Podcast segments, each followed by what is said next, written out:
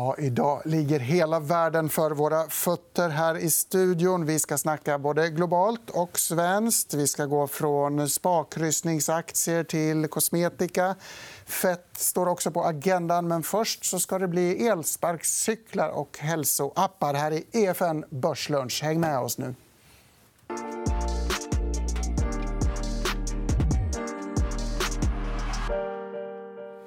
Ja, det är tisdagen den 17 december. September. Det är inte september. Eh, vi ska som sagt eh, återbesöka flera gamla case som har gått bra sen sedan sist våra gäster var här. Vi ska också besöka en del nya case. Och det ska vi göra med Andreas Brock. Väl varmt välkommen. Vi har eh, Niklas Larsson med oss och vi har Lars-Ola Hellström från Pareto. Lars-Ola, du är ju inledningstalare med ett lite ovanligt case. Vi tror att du är en av få analytiker som följer Vostok New Ventures. Jag är den enda. Du är den enda. Utskällt bolag, stora bonusar, negativa rubriker och också en helt ny inriktning. kan man väl säga. Kan du inte berätta lite kort om? En helt ny inriktning kanske det inte är. Men man, man, eh, den nuvarande inriktningen tog man då 2014 när man delade upp eh, dåvarande Vostok-bolagen liksom i ett fintech-ben, Vostok Emerging Finance och Vostok New Ventures som då fokuserar på VC-investeringar med starka nätverkseffekter. Eh, så har man ägt eh, Avito under en lång tid. Man ägde det under 11 år. och Det resulterade i en IRR om 37 Man sålde det och fick 540 miljoner dollar på kontot. Liksom. Så en fantastisk affär. Så nu är ryska blocket-kopian borta och vi fokuserar på det vi ser bakom oss. Bland annat... Ja. Ryssland är borta. och eh, Jag har gjort en ny, större analys där vi ser att det finns väldigt god möjlighet till fantastisk avkastning under de närmaste 6-7 åren. Vi pratar om att substansvärdet kan gå 4-5 gånger. Eh, och nu eh, är man då investerad i tre teman som är mobilitetslösningar, eh, det är classifieds, eller online classifieds, likt det som var Avito, och digital hälsa. Och om vi ser de här övre namnen som Babylon Health, vi har Property Finder, BlaBlaCar och Get. Det är de största tillgångarna just nu. Och sen är man ju även då också storägare och founding investor i, elskotrarna, Voi.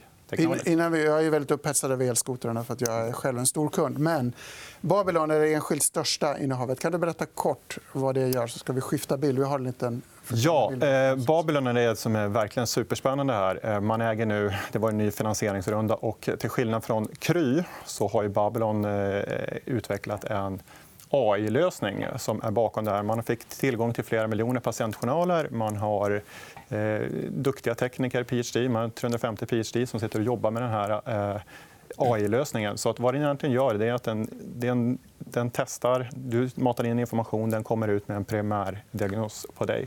Och den har då testats mot riktiga läkare och har faktiskt då performat bättre än riktiga läkare för enkel primärdiagnostik. Och vad det här egentligen gör nu, du integrerar det med en virtuell eh, konsultationstjänst likt en krylösning så liksom speedar du på hela processen av läkemedelskedjan. Och just nu så är det 2030 så tror man att det kommer saknas 18 miljoner läkare i världen. Det är 50% av världens befolkning har inte ens tillgång till, till läkarvård idag.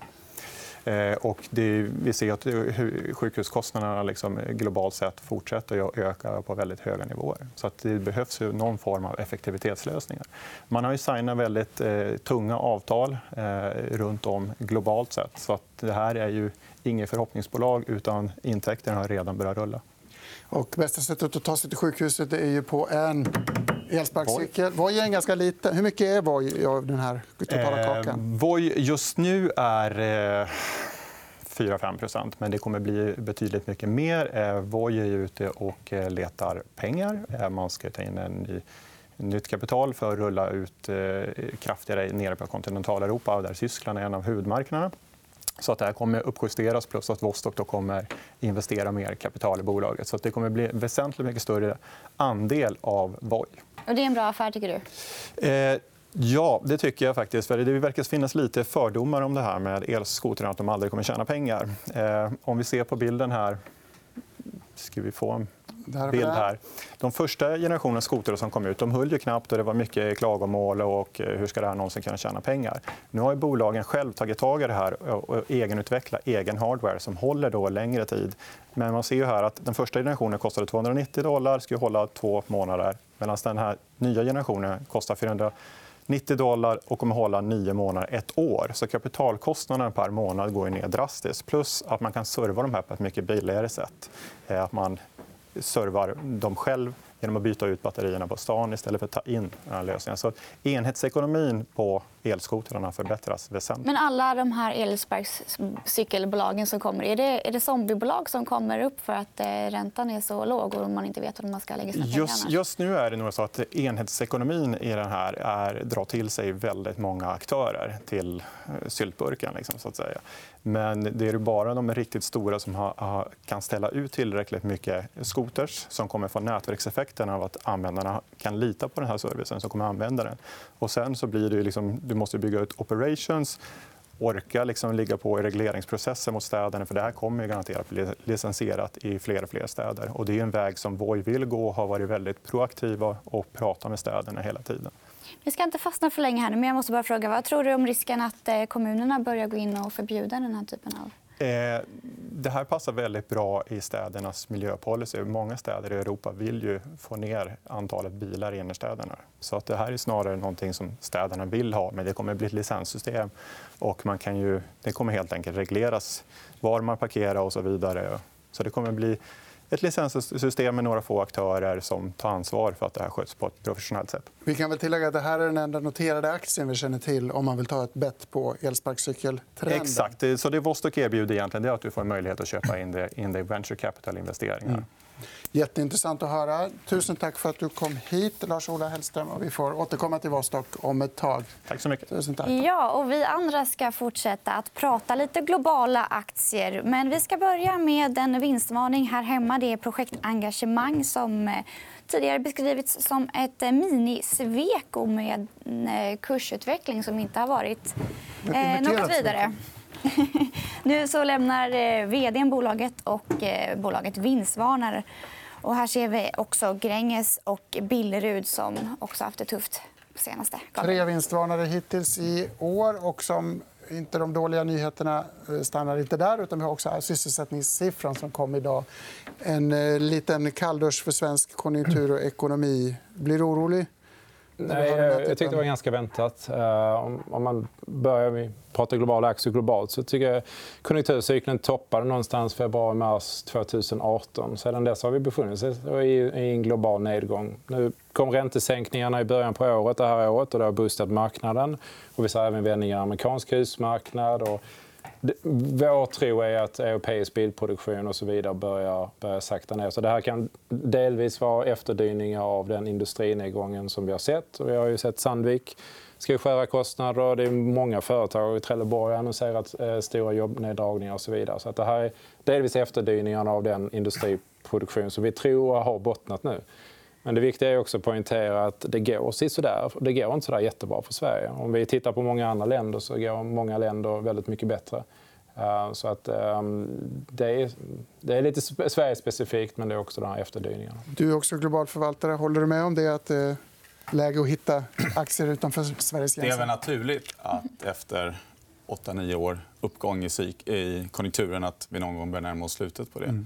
Sen är det extremt svårt. Och jag tror inte att jag är förmögen att träffa toppar och dalar i det. Men eh, det är många som försöker med det. Men det vore naturligt om vi börjar närma oss slutet. Men positionerar du dig på något sätt annorlunda nu?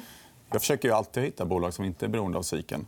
Så att jag inte behöver ägna för mycket energi åt de här frågorna utan faktiskt kan hitta bra aktiecase som kan leverera i ur och skur och som också klarar att orka äga genom en cykel. Jag antar att du tänker lite likadant. Eh, nej, både ja och nej. Vi, 2014, 15, 16 så hade vi mycket cykliska aktier. 2017, 18 började vi dra ner på det. Och just nu är vår fond positionerad mycket som du vet, i de här långsiktiga trenderna. Vi pratar om Estée Lauder, AAK idag.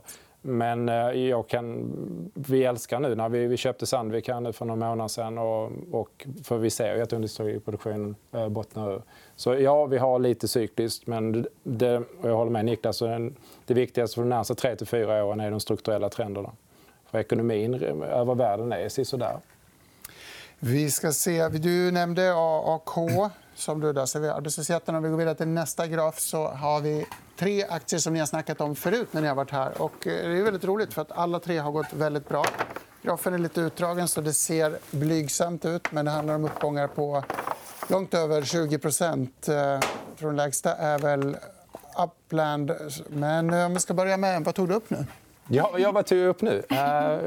De två aktier jag har rekommenderat här är båda upp 48 i år. En i svenska kronor, AAK. Eh, och den andra Estée Lauder i dollar. Då, så den är upp 60 i svenska kronor. Typ.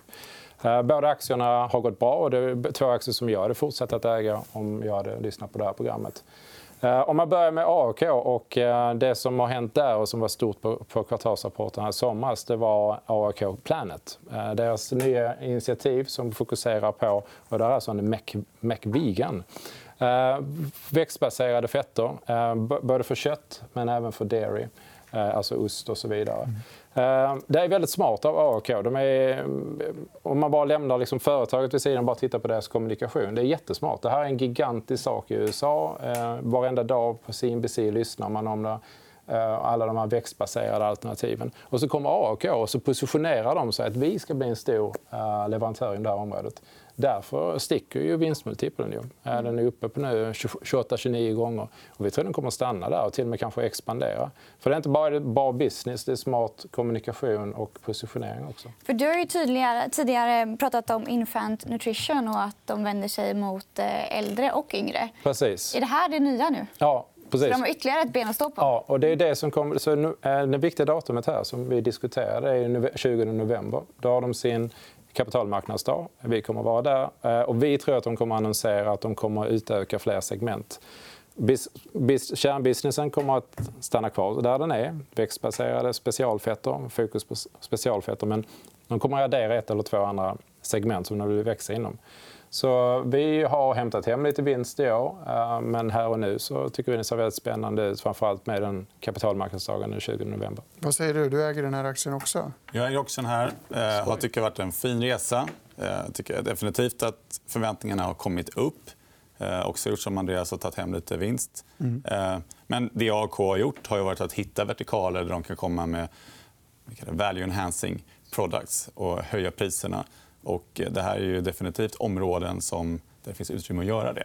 Så att, eh, jag håller med. Jag tycker hela segmentet är superspännande. Och eh, det ställer mycket av liksom vårt konventionella tänkande upp och ner.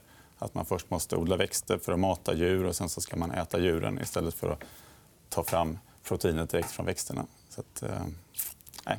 Innan vi går in på parfymen så ska vi gå till ett annat bolag som inte är särskilt lönsamt. Som vi pratade vid med lite sist här. Upland. Kan, kan vi få en kort recap? Upland är ett mjukvarubolag. Eh, nästan som en investeringsplattform som köper mjukvarubolag. Eh, saken är att när de köper de här bolagen, som är ungefär break-even så tar de ut en massa kostnader första dagen och sen så gör de dem till 30% vinstmarginalbolag istället de här kostnaderna som tar ut, man säger upp hyreskontrakt, man kanske gör sig av med viss personal och så där, maskerar den underliggande lönsamheten i verksamheten som jag tycker är fantastiskt på de här SAS-bolagen. Ehm, men optiskt sett, då, tittar man bara lite slarvigt på de rapporterade siffrorna så ser det ut som att de gör förluster. Men eh, bolaget, eh, jag gillar bolag som är väldigt förutsägbara. Både intjäning och återinvesterar sitt kassaflöde. Och det gör Upland. Och ibland så blir det väldigt populärt och då sticker aktien iväg. Så vi såg, de var uppe och touchade nästan 80-90 där eh, i mitten på sommaren. Och sen så tappar investerarna lite intresse när momentum faller av. och Då så går det ner. Men bolaget fortsätter gå som en maskin. Och, mm. ja, min case är att aktien ska följa vinstutvecklingen. Nu är det dags att kasta loss. Vi ska åka ut till havs. Allra först eh, har du med dig en burk där det står La Mer. Ja, spännande. Tack. Jättebra. La Mer är ju ett varumärke från ja. Estée Lauder. De har ju eh, vad de kallar hero brands, några av världens absolut häftigaste varumärken. Det är Estée Lauder, det är La Mer, det är Clinique och så vidare. Då. Det, vi har ägt den här aktien ett bra tag nu. Vi fortsätter att äga den. Och jag vill bara liksom berätta hur bra det går. För det första, eh, Estelada Estée Lauder är ett företag vars marknadsvärde är dubbelt så stort som Atlas Copco. Det här är alltså ett gigantiskt företag. Eh, Under det senaste året så växte omsättningen like for like med över 10 och Den här typen av skincare, alltså för, för ditt ansikte, ansiktskräm, växer med över 20 så, och, vi träffade L'Oréal förra veckan i Paris. Eh, och de pratade om att businessen accelererar. Så medan många andra bilar och lastbilar och hela världen eh, decelererar så accelererar den här businessen. Det är också väldigt roligt om Lamer. De köpte ju Lamer. Eh, Estée Lauder köper många varumärken när de hittar något som går bra. De tog in det, de höjde priset med vad de sa, flera hundratals procent eh, när de köpte in det. Och efter de gjorde det så rusade försäljningen. Så det är underbart att ha såna produkter som... Som har pricing power. Ja, men du höjer priset och folk vill ha mer. Eh, det är... Lamer. Ja, Lamer. Precis. Fantastiskt. Eh, så båda, båda två aktierna, AAK och Estée Sen säljs ju de här på... Precis. Som vi ser här bakom. Ja. Ett kryssningsfartyg. Kommer dit. Eh, jag har investerat i ett bolag som heter One Spa World. Jag tycker det är fantastiskt när man springer på såna här bolag. Och de är då en, den klart dominerande operatören av spa på kryssningsfartyg runt om i världen. Så om det finns ungefär 350 kryssningsfartyg i världen så har de allra största operatörerna, de som vi känner till, så har de ungefär 180-190 span, eh, fartyg. Och av dem så har då OneSpa ungefär 90% marknadsandel där man opererar de här spanen. Extremt nischat. Ändå. Det är väldigt nischat. Eh, det en, krävs enorm kompetens och en, liksom en infrastruktur. Å ena sidan handlar det om att kunna ta in produkter och tjänster som man eh, då erbjuder resenärerna på span. Det är från att man då för 5-10 år sedan gjorde massage och kanske hand och fotbehandlingar till att nu, så nästa gång du åker på en spa så kommer du se till att få din botoxinjektion. Du kanske till och med kör lite body sculpting och såna saker. Har du själv testat det? Jag har inte testat det. Eh, men... Men det här blir större och större. Kanske blir större del av båtresan också. Absolut. Och det, är, det är viktigt för de här cruise lines att öka sina man kallar för onboard revenue, alltså intäkterna på båten. Och här ser vi kryssningsindustrin som växer. Eh, så det, man vill, det jag vill få fram här då, det är att det är en, en industri som har varit väldigt defensiv. Och eh, det är egentligen inget nerår Ja, här hela den här perioden. 8-9 och det är bara att tuffa på som vanligt. Exakt. Ehm, och det är drivet av ehm, delvis liksom en ökad medelklass och även en mer fokus på upplevelser. Ehm, och det är väl mycket som vi ser fortfarande att de här tillväxtbenen kommer kunna fortsätta leverera. Väldigt fascinerande. Egentligen båda de här produkterna. Att du har en sån, trots att vi pratar om cykliska nedgångar konjunkturavmattning så verkar folk ändå köpa parfym och de verkar ändå åka på kryssning. Ja. För La Mer är ju, eh, och Estée Lauder är ju mycket exponerat mot Asien. och Kina är det kineser som åker mycket Man är inte riktigt där. USA är fortfarande den största marknaden, och följt av Europa. Men Asien är den stora. Det är nästa ben. Och man tror väl att all oro som händer i handelskrig och liknande har väl förskjutit det där lite. Så att eh, det, man väntar fortfarande på det. Men det är ingenting som gör dig orolig? Nej. Ehm, det som, det som jag gillar det har alltid varit... Liksom, tittar man på den underliggande tillväxten i branschen så har den varit bra. Men de här själva kryssningsfartygen jag är inte så imponerad av deras affärsmodell. Att så fort de får lite vinst så säger man nu ska vi ta de här pengarna och investera och man driver ner gilderna. Här får OneSpa... Allt kryssningsfartygen är, är att de vill ha um, resenärer till sina fartyg. Och de bryr sig inte om hur mycket det kostar egentligen för att de måste täcka sina fasta kostnader.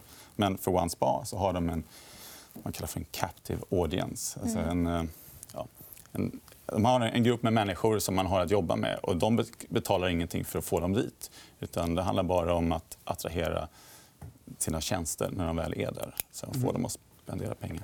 Jätteintressant. Men, vad säger, du har helt rätt. Just det där med kineserna hur viktiga de är för Estée Lauder. Vi ligger och trackar på Coeli, Globalfonden. Vi ligger och följer hela tiden uh, hur de kinesiska flygbolagen går. All deras månadsstatistik uh, följer vi och väntar helt enkelt på... Uh, vi kommer att sälja den dagen då kineserna Um, när den här flygtrafiken går neråt. För det, det är det som driver um, köpbeteendet hos de här. Och det är jätteviktigt. Och till exempel kan man säga att 10% av alla kineser idag har ett pass. Och det är, säg att den går från 10 till 30. Mm. Då är liksom, det är rätt mycket mer. Så det här har säkert 5-10 år av tillväxt framför Så man ska inte skrämmas av eh, handelsoron och konjunkturavmattning? De siffrorna vi tittar på i Kina på flygindustrin pekar inte på det. Däremot kinesisk bilindustri har kommit ner. Eh, och, det har dragit ner jättemycket råvarumaterial och dragit ner kemi, kemiska produkter och så vidare. Men just travel går väldigt bra. Jättebra. Får man lägga ett bud på den här början? Ja, ja det får du gärna göra. Perfekt. Du får den. Nu är det lunchdags. Vi tackar för oss. ser gott ut det här. Vi är tillbaka igen imorgon 11.45. Vilka kommer då, Matilda? Jo, då kommer Gabriel Iskander och Stefan Olofsson. Så Mm. häng med då. Och tack med så mycket då. för att ni gästade. Tack så mycket. Och tack för början. Hej du trogna Börslunch-lyssnare. Du har väl inte missat att vi snart sätter igång en Brexit-podd? Och det här är inte vilken Brexit-podd som helst. I Brexit-veckan kommer vi inte prata om Boris Johnsons inre liv, kaoset i parlamentet eller de konstitutionella krumbukterna i Storbritannien. Istället kommer vi att prata om vad Brexit innebär rent ekonomiskt. För handeln, för små och stora företag, för finansmarknaderna samt din och min plånbok. 10 minuter varje vecka som ger dig allt det senaste. Med Claes Molén och med mig, Katrin Marsall. Lyssna på Brexitveckan. Du kan gå in och prenumerera redan nu. Vi finns där poddar finns. Och snart kör vi, varje torsdag i tio veckor.